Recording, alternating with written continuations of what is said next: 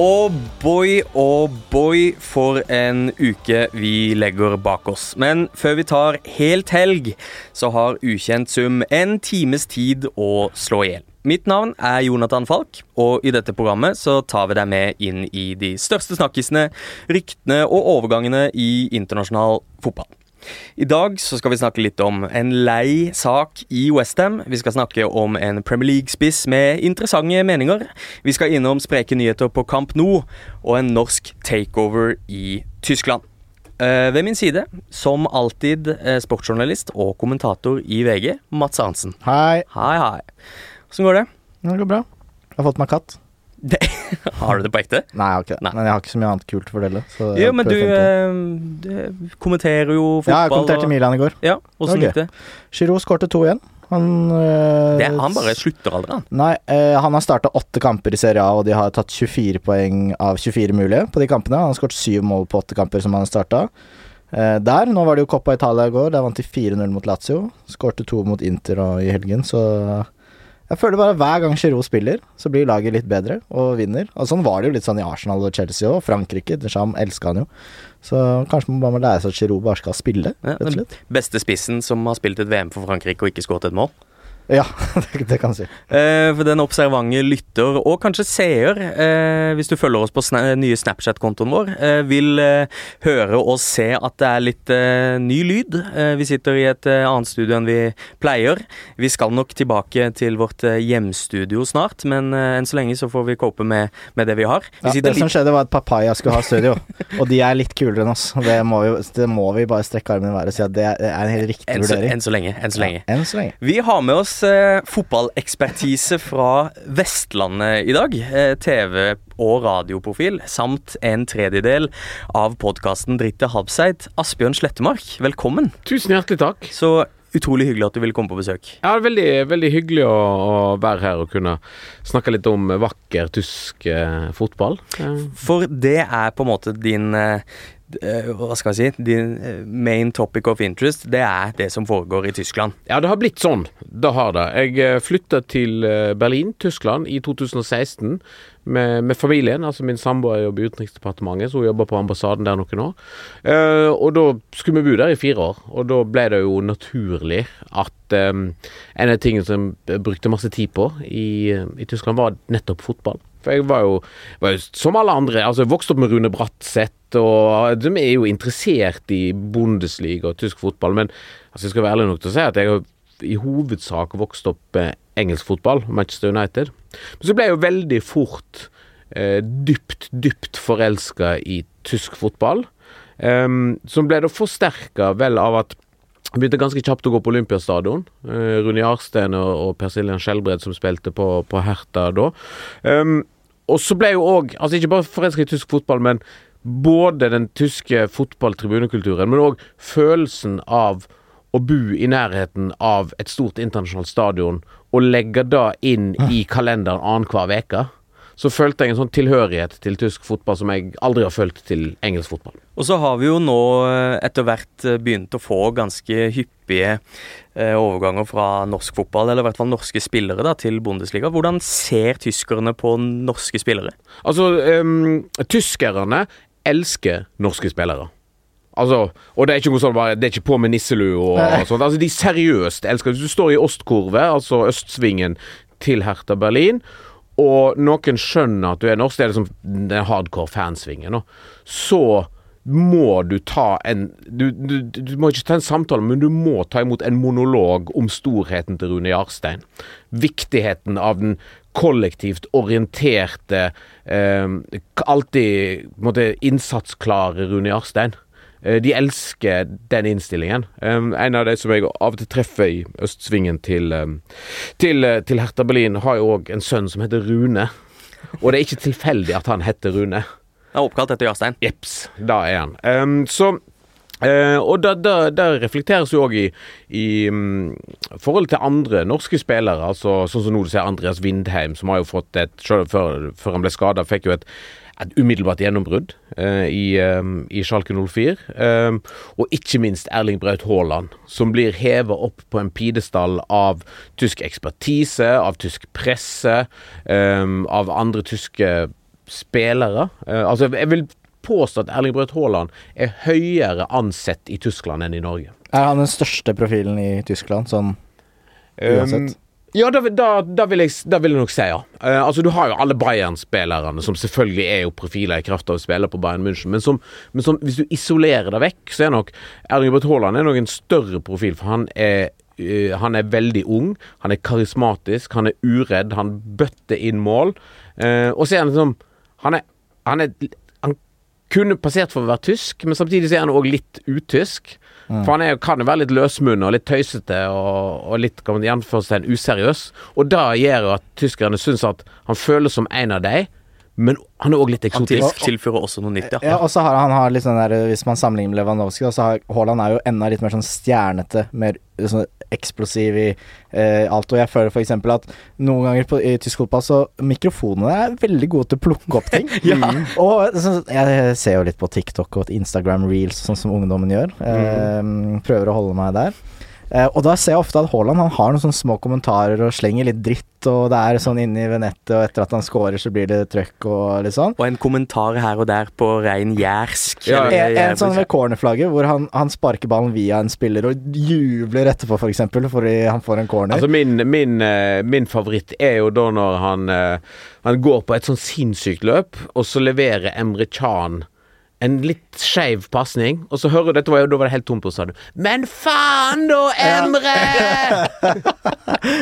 og, Helt og det er um, den der en også hvor han eh, Åh, hva var det igjen, da?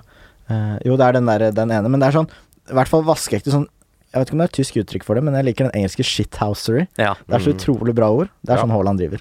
Han er, du kan jo se veldig masse om Robert Lewandowski, men én ting han ikke er, det er spontan. Ja. Altså Han har ikke gjort én ting i livet sitt som ikke er planlagt og forankra i et Excel-ark eh, gjennom to måneder. Eh, og der er jo Erling Braut Haaland eh, ganske forfriskende, og det, liker jo tysk presse.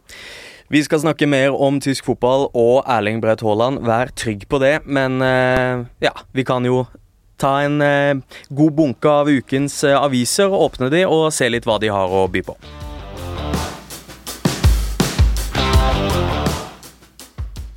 Vi er nødt til å starte litt med det hele fotballverden eh, snakker om om dagen. Jeg vet ikke om det er riktig, men det er veldig mange snakker om det som har skjedd i Westham. For Kurt Zuma er i trøbbel, for å si det mildt. Det begynte med en video av at eh, han utøvde det man bare kan kalle vold mot katten sin. Um, og noen dager etter så går han selv ut av og beklager dette.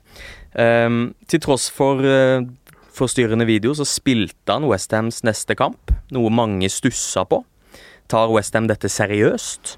Og nå har eh, sponsorer, både hans personlige og uh, Westham-sponsorer, enten vurdert å trekke seg eller faktisk gjort det. Han har mista avtalen sin med Adidas. Han saksøkes i Frankrike, sitt hjemland, og risikerer altså fengselsstraff. Hvor ender dette, Mats? Altså, jeg tulla med at jeg har katt. Jeg har ikke katt. Det er det flere som ikke skulle hatt, Og, men- og nå har ikke Kurt Zuma Nei, det han har ikke katt han heller lenger. Eh, og det var jo Westham ga han vel tre millioner i bot, lurer jeg på. Eh, klubben selv. Eh, og så er de kattene i trygghet, holdt jeg på å si. Eh, nei, det var jo at han starta den kampen, det var jo kanskje litt overraskende. Det er jo ikke sånn veldig sånn 2022-måte å håndtere ting på, da. Eh, der har jo klubbene fått veldig sånn på omdømme og alt. Mm. Så Men da må det jo sies at David Moyes han lever jo ikke i 2022. Nei, det Og det er jo, det er jo Det ble jo veldig tydelig da David Moyes ble spurt om dette, hvor, hva, liksom, hva, hvordan reagerer dere for Kurt Zuma, og så svarer han liksom nei, klubben tar jo liksom nødvendige steg. Men han er jo en av våre beste spillere, så klart han skal være med. Og- Og David Moyes han representerer jo det som virkelig er den gamle skolen av engelsk managerholdning. Altså hvis du ser på de liksom gamle eh, store Altså enten det er kanskje Steve Bruce for den saks skyld. Sånn Sam Allardyce. Han er sånn som jeg tror Han er vel sånn som egentlig er litt sånn for å mishandle katter, for det viser karakterstyrke. At du ikke bryr deg om andre ting enn å vinne fotballkamp. Altså, Det er sjarmerende. ja, altså denne, denne gamle skolen av, av, eh, av managere som mener at det som skjer ute på banen, det er sånn det er litt sånn sånn som skjer når du har masse lads på banen, og at han må He's not tåle that litt. kind of bloke, he's not that type of guy. Det er, sånn, det er Ja, litt sånn det er. Men eh, det var også eh, eh, Det er jo forskjellige måter å håndtere ting på, det er, om det er epler og epler eller epler og pærer. Men eh, Manchester United tok jo og suspenderte Greenwood, det er så klart en helt annen sak. Men og, og veldig tydelig på håndtering der. Eh, det var en sak i Ajax nå hvor Mark Overmars måtte gå for å ha sendt uh, seksuelt trakasserende meldinger til kvinnelige ansatte. Mm. Uh, og der var jo uh, Ten Hag, mener jeg det var, Ajax trener, veldig tydelig på at det bare var en katastrofe, trist og veldig trist for kvinnene som var berørt, og veldig sånn veldig mange på, som roste han veldig for de utsagnene han hadde der. Da. Ja, altså Offeret her er ikke Mark Overmars. Offeret er de som har blitt utsatt for Mark Overmars. Og det er jo en ting som er viktig. Og Det, tror jeg nok er en sånn holdningsendring som en har merka. Altså, selv om David Moyes lever sånn type i 1997 fremdeles, så tror jeg nok det er en definitiv holdningsendring blant unge trenere, unge ledere, eh, som skjønner at verden har gått, eh, gått videre. At verden er på, i, i noen, på noen områder så er det verden på et, et, litt bedre plass enn hva den var før. Og, og det er jo bra at det er sånn. Eh, mm. Samtidig så eh, Bare på generelt grunnlag, hvis man ikke snakker om noen konkrete ting nå, fordi det er jo veldig variabelt hvor høy styrke det er på noen av sakene, mens uh, fotballspillere i andre Vi har sett andre saker òg hvor uh, noen har driti seg ut, på en måte, eh, i mindre skala. At man Det er jo fort gjort at ting havner på internett på en eller annet vis, da. Ja. Eh, og i små klipp og doser. Altså Det er ikke sånn at, det er ikke sånn at fotballspillere ikke har mishandla dyr før. Nettopp. Det er jo helt åpenbart. Og det er det at nå, nå blir det mer synlig. Ja. Mm. Um, ja, og, det er ikke en forsvarstale på noe som Nei, nei, nei, skjønner, skjønner uh, hvor du kommer fra. Og uh, det virker jo også som det var en person til innblanda som ikke bare filma det, men det var latter-emojier, og, og, det spekulerer Eller det reagerer jeg på, da, at de ikke bare filmer det, men den naiviteten av å legge det ut. Mm. Hvordan kan du i 2022 ikke tro at dette blir en stor greie? Nei, jeg har jo uh, hørt om folk som har vært på diverse sånn nachspiel og sånn med fotballspillere, uh, hvor det blir sagt at uh, hyggelig at du vil være med. Her er det en boks, her legger vi mobilene våre. Ja, men altså, Er ikke det altså, nachspielet på Brann stadion? Er vel det ferskeste eksempelet. Det ferskeste eksempelet på det. Der var det innsamling av mobiler før mm. festen. Glemte overvåkningskameraene der, da. Ja, ja, ja. Vi, eh, vi, får vente og se hva som blir enden på visa i denne saken. Eh, som, som jeg sa, det siste er nå at han, han saksøkes i Frankrike um, av en dyrevernsorganisasjon. Uh, og Frankrike har, uh, har, vedtatt nye og strengere dyrevernslover som faktisk i ytterste konsekvens kan føre til at Kurt Zuma må sone fire år i fengsel. Mm. Hvis, hvis, dette er en sak som går hele veien der, da. Så, men dette skjedde i Frankrike, eller? Nei, eh, det skjedde i hans hjem, men han er vel fremdeles fransk statsborger og må forholde seg til franske lover. Må man det? Eh, jeg er ikke jusprofessor. Spesielt ikke. Spesielt ikke på internasjonal jus. Hør mer i VGs Nyhets-satsing. Mm. Juspodden. Vet ikke. Men kan jeg få nevne en ting, eh, bare for å um, Igjen, ikke for å unnskylde eller noe, men må jeg nevne da et veldig sånn vakkert fotball- og dyrøyeblikk som har skjedd den siste uka. Ja. Um, kjenner dere til Steffen Baumgart? Jeg husker han som mannen med sixpensen. Ja, mannen med sixpensen. Nå har vel Nå har Køln, som han er um, trener for, uh, de har nå solgt Jeg tror det er 7500 sixpenser. Altså, han står alltid i, um, på sidelinja i sixpence. Og han har den alltid sånn kult på snei. Ja, sånn veldig, ja og veldig fokusert. Fotballtrener for, for Køln. Køln. Ja, den, den gamle jobben til Ståle Solbakken. Ja. Uh, han um, er blitt en, allerede en sånn kultlegende både blant eh, Köln-fansen og egentlig i, i, tysk presse. For han har sånn enormt energisk stil eh, på sidelinja. Altså full roping helt til tida. Står en sånn der med, liksom, med armene på, på lårene og bare skriker hele tida. Um, og sånn Antony Modest, når han scorer, så går han uh, til sidelinjen, så tar han sixpensen til, til en Baumgart på seg, og så klemmer de og koser seg. Det var jo han, som, han er jo draktsamler. Ja. Så etter de har spilt med Bayern München, så var han jo rett bort og skulle hente Han skulle ha drakta til Neuer. Mm. For den har liksom lenge tenkt Den, den mangler han i samlinga. Mm. Sånn type, da. Mm. Uh, ung, noen og 40 år. Men så fikk han korona så skulle Köln spille en veldig viktig kamp mot Freiburg. For Köln er sånn I beste fall så kan de kjempe om Champions League, som er litt overraskende for det laget. Eh, men Europaligaen er i hvert fall eh, aktuelt. Men så sitter han da hjemme og har sånn coaching zone hjemme i stua. Um, og det går så enormt for seg at datteren hans begynner å filme han i smug og legge han ut på TikTok. Og han oppfører seg jo som om han står på sidelinjen. Han roper og skriker, og mobilen ligger på lading hele tida. For den, du ser mobilen bare får sugd all energi ut av seg. Når han ringer til han, eh, han eh, taktikkassistenten og kjefter inn, eh, inn meldinger, og så er det sånn delay på TV-en òg, så meldingene kommer alltid litt for sakte. Ja, så, men så på slutten så, så leder Køln 1-0, og han går helt bananer. Så står skrik opp i flatskjermen i familiehjemmet. Da. Og så kommer da den gigantiske familiehunden. En eurasier. Eh, Jori Baumgart heter denne hunden, som selvfølgelig har sin egen Instagram-konto, fant jeg ut nå eh, nylig. Og stiller seg på sofaen og legger labbene på en måte bakfra opp på skuldrene til Steffen Baumgart og prøver liksom å roe han ned. Som roende matfar. Ja, ja. Det tror jeg vi må legge ut på Instagram. Vi skal prøve, prøve på det. Det var vel en i lavere jeg, var, jeg, jeg, husker ikke helt hvor det var nå, men det var en, en kattesituasjon også hvor uh, Det var Wiggen som spilte ja, mot Nei. Ja, jeg husker ikke det. I hvert fall uh, så samme klipp hvor det kom Ja. en katt inn på banen. Ja. Han bærte den av, så passa han på å kose litt på den før han Mm. eh, The Week of Pets i internasjonal eh, toppfotball. Eh, fra en eh, ja, kall det mann med tvilsomme verdier til en annen. Eh, Premier League har stifta et nytt bekjentskap. Eh, det er da nederlandske eh, Nederlandske Wout eh, Weghorst, Ja. er det sånn man uttaler det? Altså, jeg, Wout. ja, jeg er vant til å se det på et Wout Weghorst. Wout Weghorst. Da går vi for det. Men, eh, ja. Nederlandsken min er litt rusten. Mm. Eh, han kosta Burnley ja, et sted mellom 12 og 14 millioner eh, Kjempekupp. euro. Eh, men Wolfsburg hadde vel kanskje håpt å få mer for han. Ja, altså han var I Premier League-penger så er jo Wout altså, isolert sett verdt veldig mye mer. Det her Altså, var jo halvparten av det jeg solgte Chris Wood for. Så, og de har altså, Hvem er best av Weghorst og Wood? Det er Ja, jo ganske jevnt løp, ja, kanskje. altså han er en altså, og. Weghorst, Hvis du ser på han både som spiller, altså det han gjør på banen, men òg på på, um, altså på papiret så er jo han et, et gullkjøp for den prisen, er tenker jeg. nederlandsk landslagsspiller. Ja, ja. Altså, han er nederlandsk landslagsspiller. Nå har han vært tre og en halv, nesten fire sesonger i Wolfsburg, som er jo en klubb som um, de siste årene liksom, har jo vært litt i nedrykksstrid, men òg vært en sånn reell eh, Champions League-kandidat i, um, i perioder.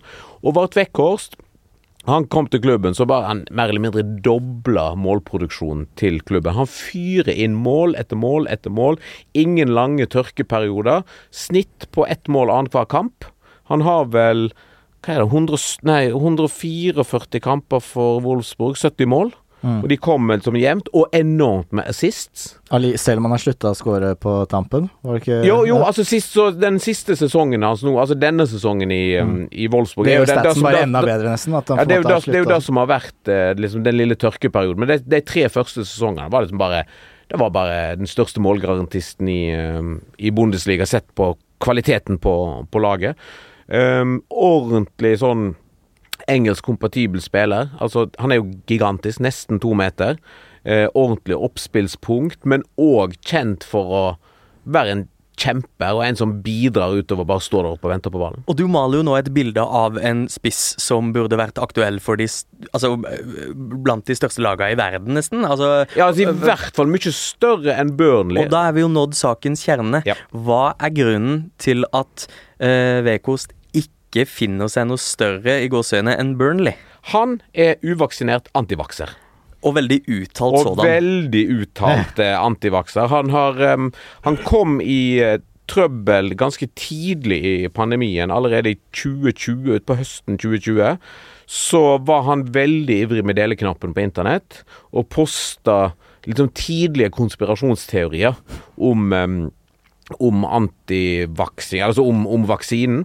Og dette er jo sånn som blir veldig lagt merke til i Tyskland, for der er den debatten den er veldig mye skarpere enn de fleste Joshua. Kimmich fikk jo mye Han var vel ikke nødvendigvis Ja, antivaksin, han, han, han han var søkende etter informasjon. Ja, og så fikk han, så fikk han long covid og var ute i ukevis eh, etter å ha fått det. Men eh, hvordan tror du dette eh, blir tatt imot på Balløya når, når dette når overflaten? Nei, det er vel eh, sånn som jeg oppfatter det engelske samfunnet, så er det vel eh, litt varierende. Nå, og, eh, nå har jo jeg vært i Burnley, faktisk. Og den byen der er jo litt sånn Hva skal man si? Det er jo ikke den fineste byen i verden. Det er en veldig sånn arbeiderklasseby. Mm. og det er jo litt ofte kanskje sånn Ja, hva skal man si? At eh, eh, i noen sånne type Altså byer og samfunn så er kanskje dette mer vanlig, da. Uh, Altså, det er vel dette, sånn sett kan du si at uh, Vårt Vekkås passer fint inn, for han kommer jo fra Wolfsburg, så er jo Vol Volkswagen-byen. Eh, En industriby, det òg. Ja, ja, altså ordentlig industriby. Um, det er en rik by, men, eh, men altså autoindustri. Det er en, en by hvor det er veldig dårlig med publikum på europaligakampene til Wolfsburg, hjemmekampene. For at da har kveldsskiftet akkurat begynt.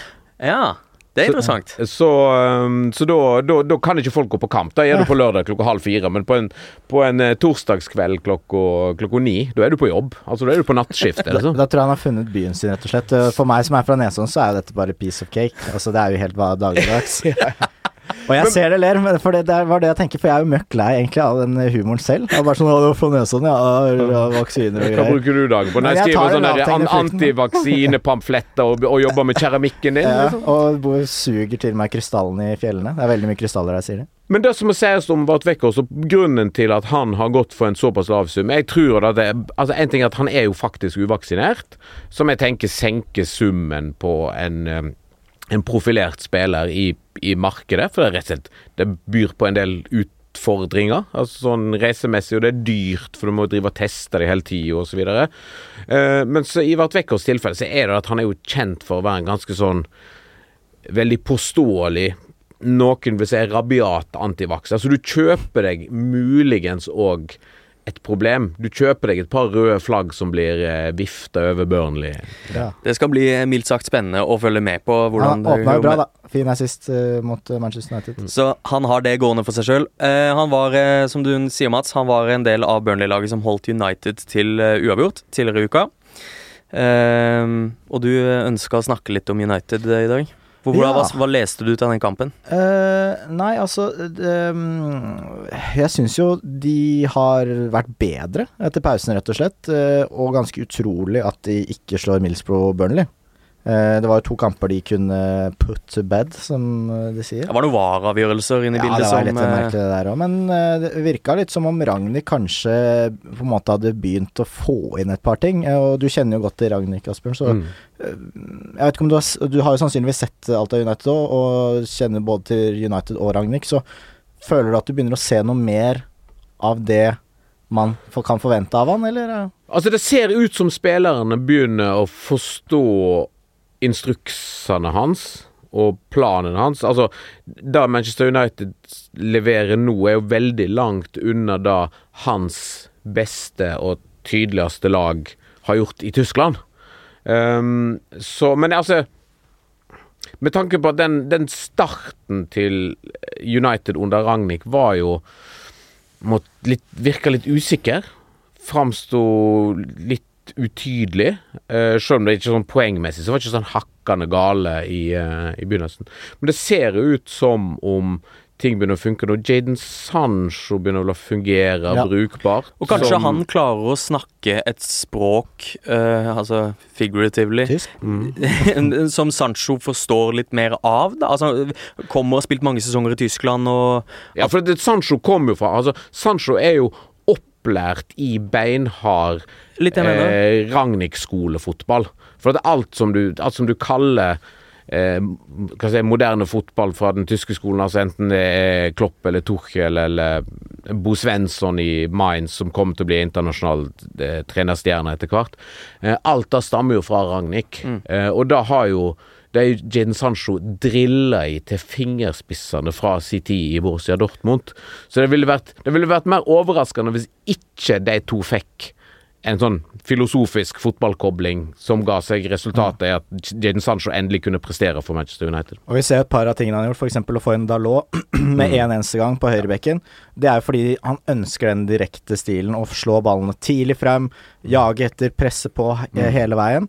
Og Fambisaka, han Det er ganske tydelig, syns jeg, at han mener at det er ikke han i stand til å gjøre, rett og slett. Og det alle som har sett uh, de siste årene, her vel kan være enig i det. Og så er jo elefanten i rommet fortsatt Cristiano Ronaldo, uh, den, og den fullstendig manglende evnen hans til å presse. Og vet du hva? Den kampen mot Middlesbrough, det er altså noe av det verste jeg har sett. Og virker nesten sånn og har gjort det til et varemerke, det å gå demonstrativt løpe til garderoben, bare ikke se på noen. Han virker veldig eh, lite oppmerksom på eget, eh, egne signaler, da. Vi har snakka før om at han, han ser mutt ut når han blir bytta ut, og øh, nå jogger han i garderoben uten å takke for kamp. Og det, det, det, begynner å bli mye greier. Er det litt sånn at vi leiter etter disse signalene, eller ser Nei, du uh, Det der er en kjempedårlig match. Ragnhild Coronado er en kjempedårlig match. Uh, det er litt sånn overraskende, for jeg hadde faktisk trodd at Jeg hadde trodd at da skulle At det skulle funke bedre. For det jo Hvis det er én ting Ralf Ragnhild er fan av, altså en ting han, han elsker i spillere, så er det jo evnen til å maksimere sitt eget potensial.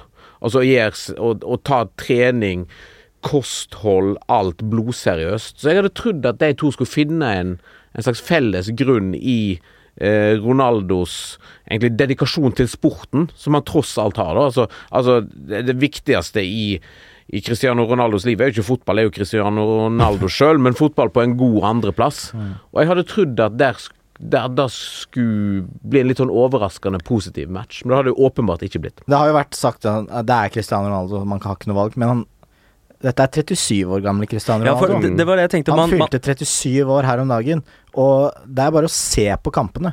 Så klart han er en fantastisk avslutter, stort sett, men han har ikke den rappheten til å komme til de avslutningene. Man ser han blir spilt noen ganger, også nå sist mot Burnley. Mm. Ut mot venstre, går seg fast. Eh, han har noen sånne brå hedninger, som Altså innlegg som kommer hardt på. Mm. Hvor han før bare styrte ned med hodet. Nå kommer de sånn brått på over tverrliggeren. Eh, jeg er veldig spent på hva de gjør med han til sommeren. Eh, Kavani er jo en kjempematch. Sancho, Kavani, Rashford. Det er tre spillere som tross alt løper ganske mye. Um, interessant så klart å se hva de gjør på den midtbanen. Men i teorien så har faktisk Ragnhild en del spillere som passer ganske bra inn i det han har lyst til å gjøre. Et par brikker her og der, så nærmer det seg, men eh, Ronaldo, det blir superinteressant. Og det er så klart snakka veldig mye om, men jeg bare syns det blir tydeligere og tydeligere, og jeg klarer ikke å se at det skal ende positivt med den matchen her. Og så har jeg en, eh, jeg har en eh, far som er veldig opptatt av Manchester United, og det han har sagt i det siste, er at han skjønner ikke hvorfor ikke engelske medier spekulerer mer i om Ragnhild faktisk er den permanente løsninga. Man ser mye, det er mye Ten Hag, eh, Pochettino dukker jo opp med, med jevne mellomrom, men kan det faktisk være sånn at Ralf Ragnhild er den beste løsninga for United også på sikt? Det er gøy at han har valgt seg sånn eh, Han har på en måte holdt mulighetene åpne på en veldig sånn smart måte. Mm. Bare sånn Kan jo jeg bare fortsetter. Og folk eh, begynner jo og så Man ser litt hvordan det går og sånn. Og, og, også hvis han skulle ta et år, så tipper jeg han fortsatt har den muligheten til å skli tilbake og bygge klubb og mm. ja, sette ja, riktig, folk har riktige jobber. Han har jo den fordelen at han er jo ikke en person som egentlig drømmer om å være manager.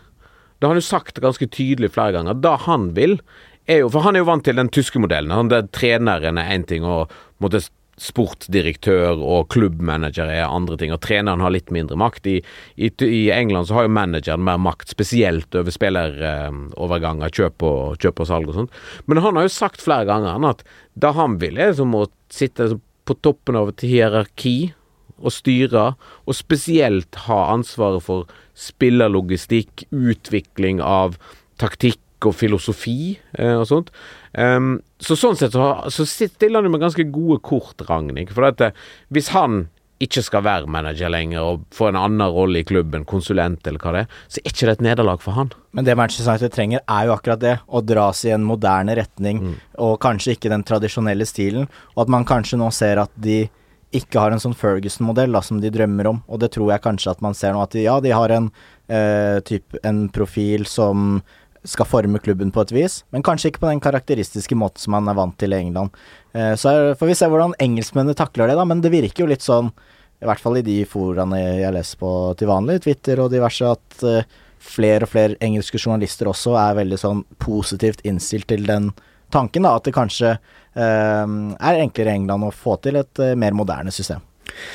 Vi får se åssen det ender. Vi skal uh, videre. Vi må tilbake til ditt uh, Tyskland, Asbjørn. For der har det vært en uh, overgang som har fått enkelte kanskje til å rynke litt nese.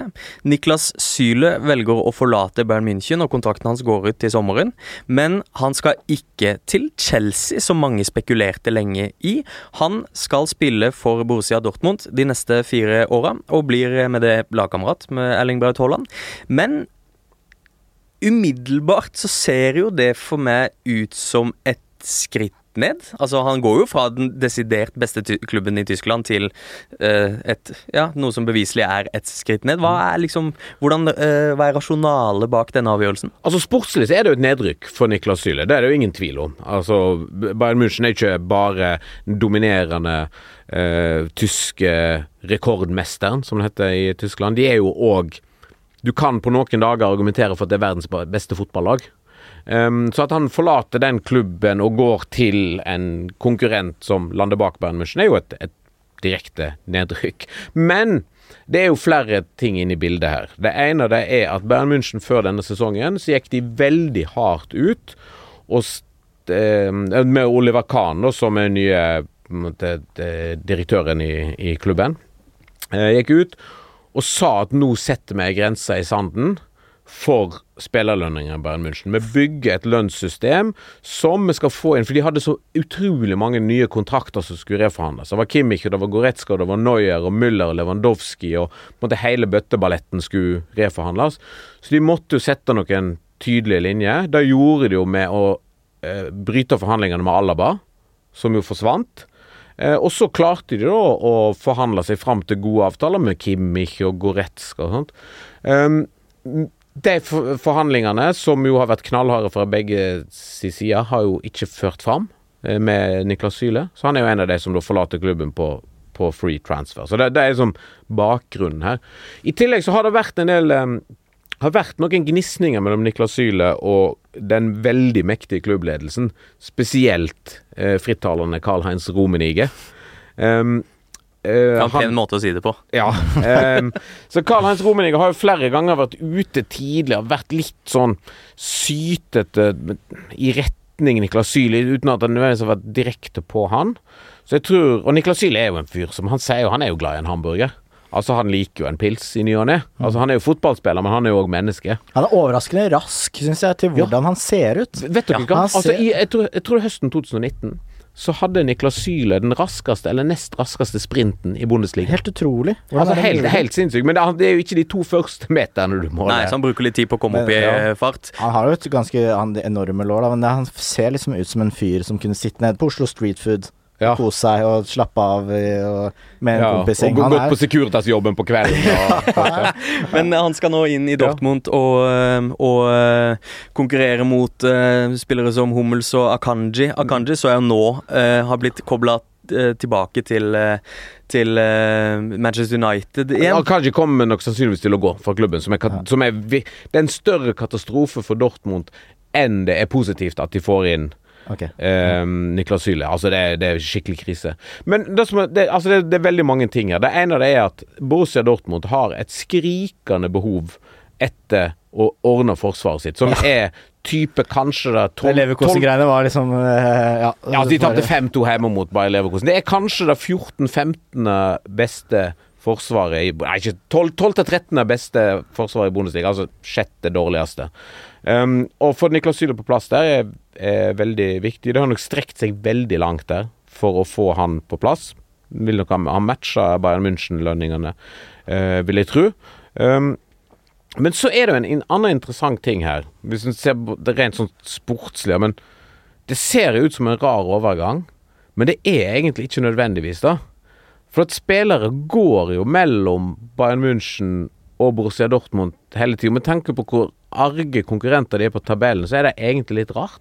Der er du jo inne på mitt neste poeng, for uh, man, man, skulle jo nesten tro da at etter så mange år med å være liksom best og nest best, og så av og til så har de bytta plass Det har liksom vært de to de siste ja, 20 åra, mm. uh, og kanskje enda lenger enn det.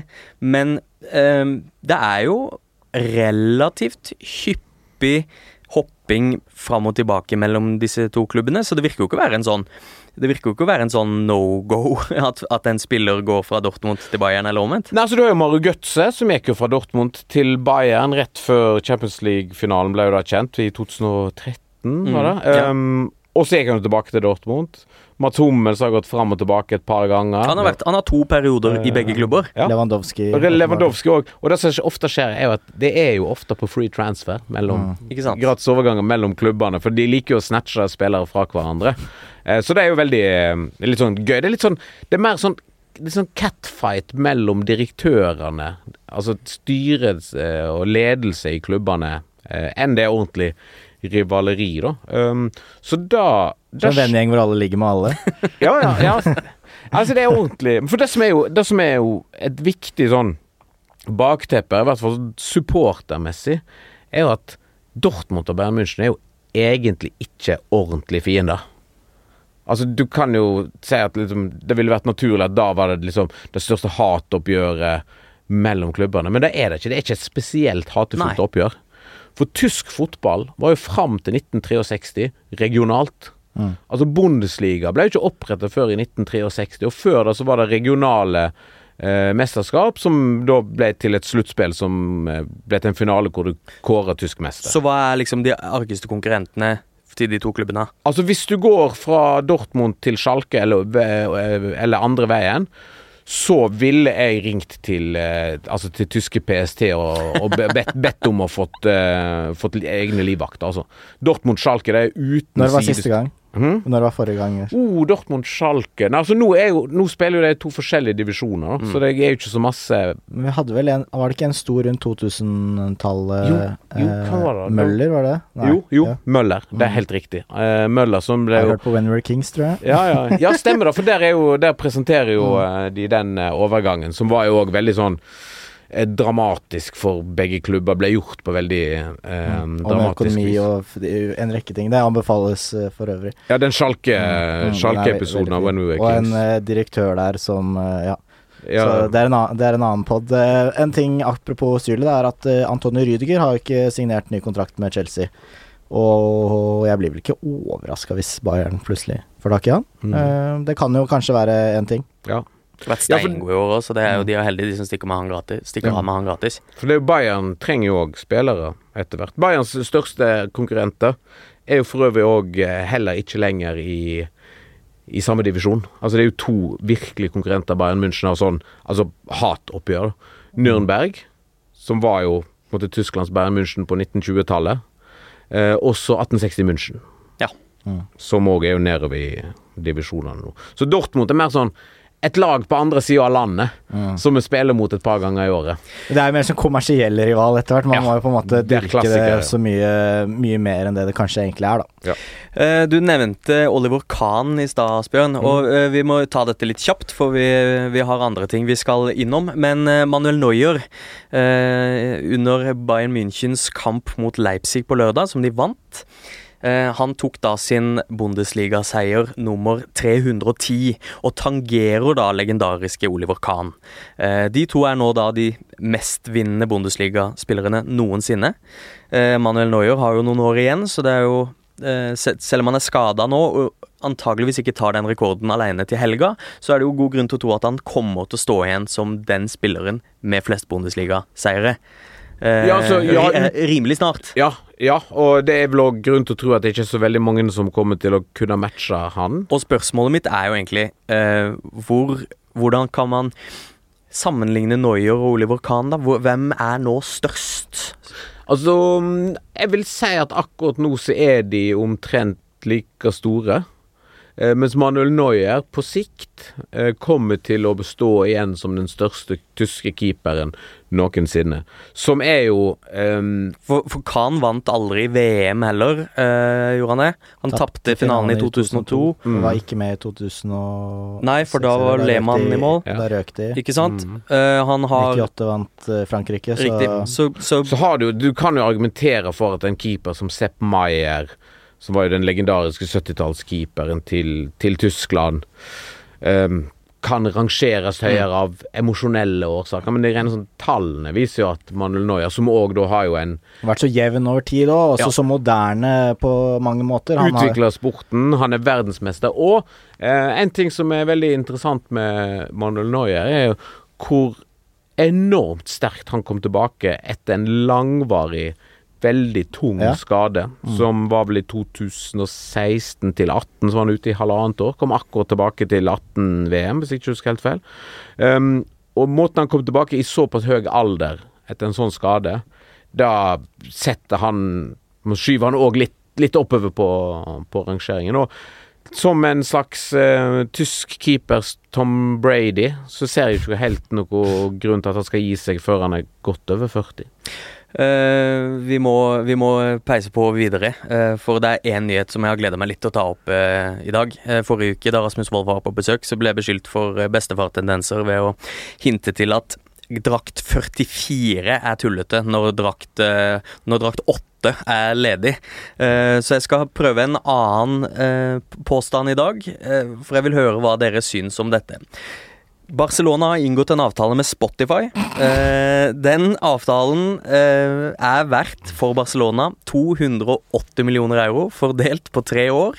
Marka spekulerer i at dette er rene Haaland-midler, men til gjengjeld så må de døpe om stadion sin, og har gjort så, til Spotify Camp Nou, som er deres nye navn tanker om Spotify Dette er jo ikke noe nytt at stadion tar eh, sponsornavn, men dette er jo så, det er jo så blatantly Ja, det er, det er sånn parodisk. Det er, man skulle liksom ikke tro at det er mulig. Det er sånn Donald Duck-aktig episode av sånn ja, moderne fotball. Eh, hva, nå, hva blir det neste, holdt Ja. jeg på å si? Nei, men nå, er det jo, nå virker det som at anything goes. Ja, det er jo helt åpenbart. Ja, ja. Eh, det, men den derre Den eh, ehm, Det nye navnet til Camp Nou har vel ligget i kortene en stund. Har vel blitt spekulert fra både Barca-fans og andre lenge at en har på en måte blitt vant til ideen om at dette skulle skje. Og Barcelona også tar vel de pengene og sier ja takk, vi, Ja. vi tar imot den hjelpa vi kan få nå. Mm. Ja. Og vi har jo nå, nå går jo jeg rett i fella og nevner disse sponsornavnene, da, men Bet365 Britannia, komplett.no eh, Altså Color Line var jo tidlig ute på Ja, ja, ja. Og, og man blir jo på en måte vant til tanken etter hvert. Men så er det jo også forskjell på um, For St. James' også Nå husker jeg ikke om den heter det ennå, men den også heter jo en stund Sports Direct at St. ja, James' det Park. fullt opprør. Ikke sant? Men man slutta jo på en måte aldri å kalle det St. James' Park, så man begynner jo kanskje ikke nå å kalle det Så det er, en, Spotify. for det er nå en vesensforskjell her mellom nybygde stadioner som blant annet er finansiert av sponsormidler. Sånn som Color Line Arena var vel Color Line Arena fra den ble bygd. Mm. Mm. Eh, Fra, det var vel Kråmyra før det, på den andre stadion. ja, sant. Eh, mens eh, da også ta en så klassisk stadion som Kamp nå, og det på den om til Spotify Kamp nå. Det er jo ikke sånn at Spotify har gått rundt der med, med, med, med sparkel og murstein og bygd stadion og vært med. Og for en timing! Det er liksom Joe Ja, Rogan si. og Neil Young og gud vet. Altså, det er jo Ja. Jeg kjenner at jeg lar meg ikke hisse veldig opp over at eh, Barcelona, som så mange andre store klubber, viser sitt sanne ansikt. Nei. Det, men det, er- Eh, og det er litt sånn Jeg har jo Og da, og da, i det så ligger det òg en innrømmelse av at jeg har jo gitt opp. Ja, ja, ja. Jeg, har altså ikke- de, har de største ikke, klubbene. jeg har liksom ikke sånn kjempesterke meninger heller om det, og det skal, skal man kanskje heller ikke ha, men uh, det er bare liksom kom Det er et lag som for noen år siden hadde Unicef. De bare solgte ikke ut draktene fordi de heller ville ha Unicef der. De betalte vel for å ha Ja. UNICEF? Jo, men det, det, det hører jo med til historien at, det, at Unicef-reklamen til Barcelona var vel i sin tid betalt av Qatar. Ja. For at de skulle liksom mjukne opp konseptet med Konseptet med, med reklame på draktene. Så liksom Ja. ett år med noe snilt, og så blir ikke det så ille når vi da har Qatar eh, Airways på neste. alt er løgn, barndommen din er en løgn, og fremtiden, den er også en Og løgn. tenk, kan dere tenke hvor, hvor vondt det var for meg å finne ut at Manchester United, mitt kjære Manchester United på 80-tallet, at de ikke reklamerte for Drops and Sharps. Og så plutselig ja, oppdaga at det var en ond elektronikkgigant som Dere vet hvem som eier, som eier, som eier i filmverden som eier, eide Sharp? Nei, men når du sier filmverden, så da, da tenker jeg med en gang Harvey Weinstein. Nei, det er jo Thorne. Det er jo Damien Thorne. Ok. Eh, Foreldrene til eh, Altså foreldrene til Damien Thorne, Satans barn i Omen. Oh. Der mistet vi 80, altså alle under 20. Så den er grei. De hadde jo det AIG-greiene og vaskemaskinen Nei, det er ikke det. Det var noe andre greier. Så det har vært mye sånn ja, Hva er det på en måte verste man kan tenke seg av sånne sponsorstadionnavn? Nei, altså, jeg syns alt som har .com, eller internettadresse i seg, Ja, det det blir er katastrofe. Ja, sånn komplett .no. World.com Arena. Og Sports Direct uh, at St. James' Det ble liksom en Twitter-handle i stadionnavnet. Men eh, nei, så Jeg klarer ikke å hisse meg veldig oppover det. Det er vel den veien alt går, men Marca spekulerer jo i at dette er midler som Barcelona skal bruke, eller i hvert fall gir Barcelona muligheten til å dra ut på Braut Haaland-jakt. Ja. Og Asbjørn, vi eh, pleier å spørre gjestene våre hva skjer med Erling Braut Haaland, og jeg vil veldig gjerne høre din mening. Nei, um, først så tror jeg en må finne ut hva som skjer med Mino Raiola. Ja. For han det, Jeg tror ikke den sjuk, sjukdommen hans har Eller den operasjonen hans har gått så bra som en hadde forventa. Så jeg tror stillheten nå rundt Erling Braut Haaland, som har vært de siste ukene mange som spekulerer at det handler litt om at Mino Raiola er kanskje litt sjukere enn enn hva han eh, enn hva Og det er ingen da som eh, Det er ingen, ingen da på jobb til å plante stories. Han er jo flink til å bruke de virkemidlene. Han er jo, man må jo si, en veldig dyktig agent, da, som for klientene sine. Ja, ja. ja, ja. Altså, Mi- Mino Raiola får jo, han får jo penger på bok for både seg sjøl og, og klientene Det sine. Men det har jo vært, det har vært overraskende stille eh, rundt Haaland, sjøl om det er jo masse spekuleringer sånn etter dette famøse intervjuet med, med Jan Åge Fjørtoft. Ehm, hvor han da klagde på Dortmund, og at de hadde ehm, Haaland mente de hadde gitt han et ultimatum for hva han ville om framtida si. sånn, da, da jeg tok ut fra det intervjuet og den kontroversen og diskusjonen som ble rundt det intervjuet som Fjørtoft gjorde um, så bra med Haaland, da var jo at det er åpenbart at Erling Braut Haaland forlater Borussia Dortmund til sommeren. Og da er spørsmålet mitt til deg til fordel for Um, jeg er virkelig, virkelig ikke sikker. Altså Jeg tenker jo at Manchester City er en veldig god kandidat, både pga. økonomi, farens tilknytning til England, Erling Brødt Haalands egen romantiske forhold til Premier League og, og engelsk eh, fotball.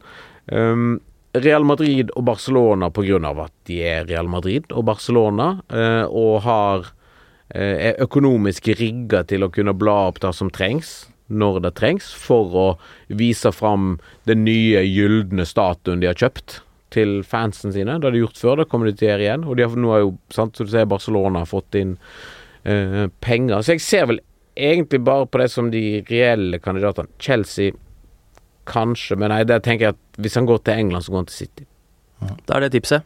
Vi er nødt til å lukke avisene nå, for vi skal videre. Vi skal ha både brannfakkel og drømmeovergang, så eh, heng med.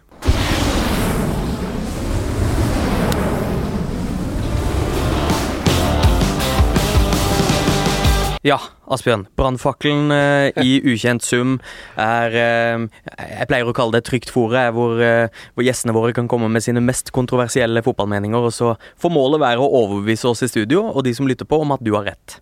Så hva slags fakkel er det du skal tenne på?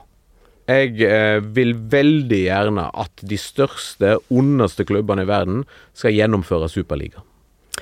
Og at, den, Ja. og at den superligaen den skal være fjerna så langt som mulig fra alt annet. At, det, at fotball blir to forskjellige sporter.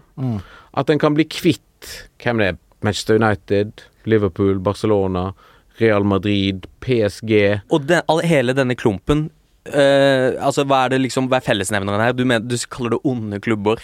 Hva uh... Ja, så, altså klubber som er Klubber som er Som er allerede er ødelagt av uh, Av um, pengedoping, av sportsvasking, av Altså, som ødelagt av investorer. Um, og som Altså sånn sportslig så er det jo dritbra, kjempebra, men som måtte Altså, alle de klubbene som for, allerede for ti år siden begynte å behandle fansen sine som klienter og kunder, og ikke som fans og meddeltakere i prosjektet fotballklubb. Og her har jeg løsningen, Ja, for dette er jo Her har jeg løsningen. Ja, og, og den tanken har jo kanskje vokst litt på meg etter hvert. Og så er det bare Men hvis man, da må man bare gjøre det helt ut.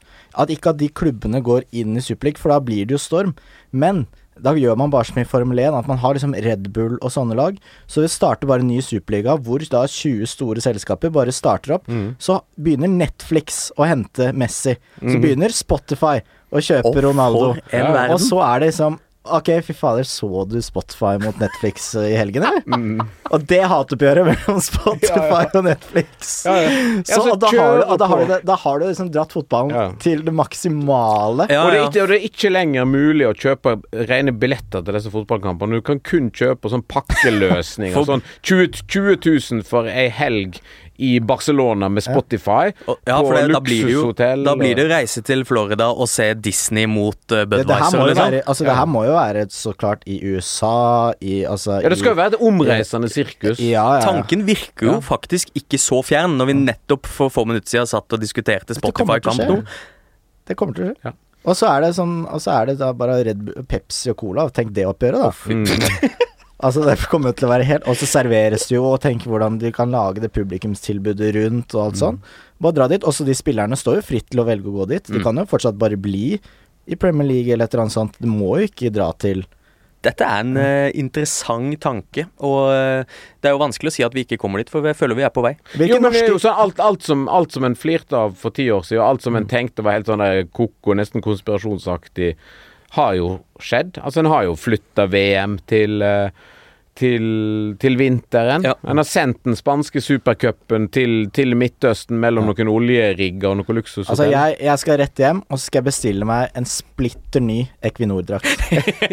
jeg, skal holde, så jeg skal holde på det norske, sitte der i Equinor-drakten min med vikinghjelm, Ja. og bare se at Haaland banker inn oljemål etter oljemål. Det er. Mats Arntzen og Rune Tribune på Equinor stadion. Ja, øh, Ute, og så bygger de en fotballbane ute i den oljeriggen, langt ute i, i Nordsjøen. Ja, litt sånn som så, sånn så Federer og gjengen spilte opp på Burj Al Arab på helikopter til altså Her sitter man Løp til patentkontoret og få denne ideen spikra, for her eh, sitter man på et Hvis, eh, potensiell hvis eh, vi kan gjøre som Jan Åge gjorde, da han bytta til engelsk, så bare bytter vi til spansk, sånn at Florentino Perez f.eks. hører det her nå. Får nyss i det. Ja, han, Men han, eh, altså Spotify er jo svenske, så de kan jo høre dette. ja, ja, antageligvis så er Bare Daniel Ek en av de som hører på oss. Spotify med hymne av Max Martin. Eh, vi må videre. Vi skal til Asbjørns drømmeovergang. Asbjørn, drømmeovergangen din, eh, hva går den ut på i dag? Ja, den er både sportslig og kommersielt for min egen del forankra. For jeg har jo en podkast som heter Dritte Halbzeit, som handler om tysk fotball, som har en eh, veldig Veldig trofast gjeng eh, lyttere, som ble økt litt av at Erling Braut Haaland kom og begynte å herje i Bundesliga. Så jeg vil gjerne beholde han i Bundesliga. Så jeg tenker at både for dramaturgien, for narrativet og for lyttertallene til min egen podkast, så skal Erling Braut Haaland og Robert Lewandowski skifte. At de bare Oh, switcher, ja. At Robert Lewandowski avslutter karrieren sin i Borussia Dortmund. At eh, Bayern München får arvtakeren som de trenger, åpenbart, på et eller annet tidspunkt, selv om Robert Lewandowski er en sånn um, Er en, en maskin som, som bor i et eh, laboratorium og kan spille for alltid, nesten. Ehm, så trenger Bayern München på et eller annet tidspunkt en arvtaker. Nei, det er så sykt bytta bort uh, kua fikk fela igjen, altså. Nei, nei, men det, altså, det må jo være penger involvert der òg, Ja, Ja, ja, ja. Men dette er jo en, en overgang som sportslig gir mening for begge klubber. ja. Er det ikke det? Ikke det? Men det eh, det, er jo, det passer jo ikke inn i Robert Lewandowski sitt eget narrativ. Nei. Sin egen fortelling å gå ned. Han kunne ikke tatt den Niklas Syler. For dere vet, vet eh, Lewandowski Du vet jo at han, han skrev sånn eh, Var det mastergraden sin? Han hadde mastergrad i helse- og ernæringsfysiologi. Du vet hva den heter? Nei. Eh, den heter Robert Lewandowski, 'The Making of a Champion'. Ja. Oh. Han skrev han om seg sjøl. Som han skrev om seg sjøl, ja. Ja, og um... Men altså, det er jo min drømmeovergang, så det er jeg som kan velge. Så det er jeg som bruker Robert Lewandowski og Erling Braut. Haaland som, som brikke i et spill. det er bare dri Jeg gleder meg til den dragkampen mellom Bayern München og Equinor, om hvem som får tak i Haaland. Men um, hva Altså, nå er, det vel, eh, nå er det vel opplest og vedtatt at Lewandowski han tar noen år til i Bayern før han eventuelt flytter på seg. Ja, Med mindre han går til Borussia Dortmund, da. Men er det- Blir tvunget til det? Men kan du liksom Kan du se det skje? Nei, det kan jeg ikke. Det er drømmeovergang. Drø- ja, ja. ikke? Altså, jeg, jeg vet ikke hvordan det er med dere, er vanligvis ting som skjer i drømmene mine. Og Det er det sånn hele viste seg å være en drøm. Vi har en eh, quiz eh, også, Asbjørn, som vi pleier å utfordre våre lyttere på. Eh, så hvis du er up for it, så i og med at vi har snakka såpass mye om Dortmund og Bayern i dag, så har jeg lyst til å utfordre dere begge på lagoppstillingene i Champions League-finalen til de to laga. Dette er altså snakk om 2013. Mm. Bayern spilte mot eh, Borussia Dortmund. Oi. Eh, og, de, og de stilte med hvert sitt lag. Ja, elleve. Eh, det er 11 mot 11, og begge lagene spilte i en formasjon som minner om 4-2-3-1. Ja. Eh, og jeg ønsker å gi dere to minutter. Dere Ja. kan snakke sammen, kom med forslag, og de to minuttene de starter nå. Jeg tror Noyer sto for Bayern, eh, rett og slett. Eh, det gjorde han. Det gjorde han. Eh, Kimmich må ha spilt, kanskje? Eller er det for tidlig? Det er, det er for tidlig for Kimmich. Alaba. Men det Alaba og, Alaba og og- Philip Lahm. Det er riktig. Det er Ja, bekkene på til. Dort- nei, til okay. Bayern. Eh, eh, var det Weidenfeller som sto for Dortmund? Ja. Det var det. Uh, den er grei. Lewandowski spilte for Dort nei, Dortmund. Dortmund, ja. Og Guts var vel skada. Guts var skada, men Lewandowski på topp. Ok. Eh, Thomas Müller spilte for Bayern. Han spilte offensiv midtbane for Bayern. Eh, Og så har du selvfølgelig eh, de to, ving- eh, de to hm? Mandzukic på topp. Men du er inne på Ja. noe her, Asbjørn. Jo, men du har jo begge vingene. Robben. Eh, og Robben. Helt riktig. For eh, Robben avgjorde jo eh, Ja. Avgjorde helt Schweinsteiger, eller? Schweinsteiger på defensiv midt. Hvem var den andre der, da? Kan det ha vært Martinez? Ja, det er helt riktig. Er det riktig? Ja, Ja, og så Thiago. eh, Thiago Nei. spilte ikke. Nei, for han, nei, for han kom Vi mangler etter. midtstopperne. Boateng Ja. Ja. og eh, Den andre er en litt sånn wildcard. Ok, ja, skjønner. Eh, Dante. Helt riktig. Faen, da har dere eh, Er hele Bayern? Da har dere hele Bayern. Hummels Eh, for Dortmund. Hummels er riktig. Mm. Uh, Pisztek på høyrebekk. Ja. Helt riktig. Oi, oi. Hvem spilte stopper sammen med Mats Hummels? Eh, Schmelzer spilte venstrebekk. Det er helt riktig. Eh, Hummels spilte sammen med eh, Sokratis? Nei. Nei, nei. Eh, men det var noe Hvem var det som spilte samtidig der? Han tyske Beinhard eh, Gamle Han er ikke tysk. Eh, ok, nei. Beinhard kroat. Oh. Uh. Eller er han serber? Nå ble det plutselig ja.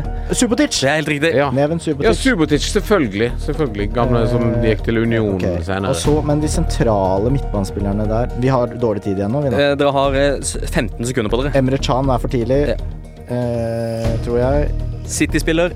City-spiller Gündogan! Helt ja, riktig. selvfølgelig. Eh, en defensiv midtbanespiller der, ja. Eh, men Blasjikovskij! Det er riktig høyreving. Da mangler vi én, da, eller noe sånt. Rikken. Nei, Og der gikk tida ut. ah, ja, okay. Lars Rikken, ja. Da, Bare få. Veldig raskt før vi går videre. Mm. Uh, eh, Kevin Grosskreitz. Kroi ja, Kreutz. Han Herregud. forsvant. Marco Royce var offensiv midtbanespiller. Og Ja, dere gjorde det. Ja, ja, ja. Og uh, eh, Sven Bender. Ja. Ah, Sven Bender! Ja. Ok, men jeg kan leve med det. Vi er tomme for tid. Vi, eh, vi er nødt til å runde av nå. Eh, så Asbjørn, jeg må bare takke deg så mye for at du kom og delte litt eh, om din mm. tyske kjærlighet. Jo, det var veldig hyggelig, og så setter jeg veldig stor pris på at ingen dyr ble skadet under innspillingen av denne episoden. Og det kan du være helt trygg på. Mats, tusen takk som alltid at du kom. Takk.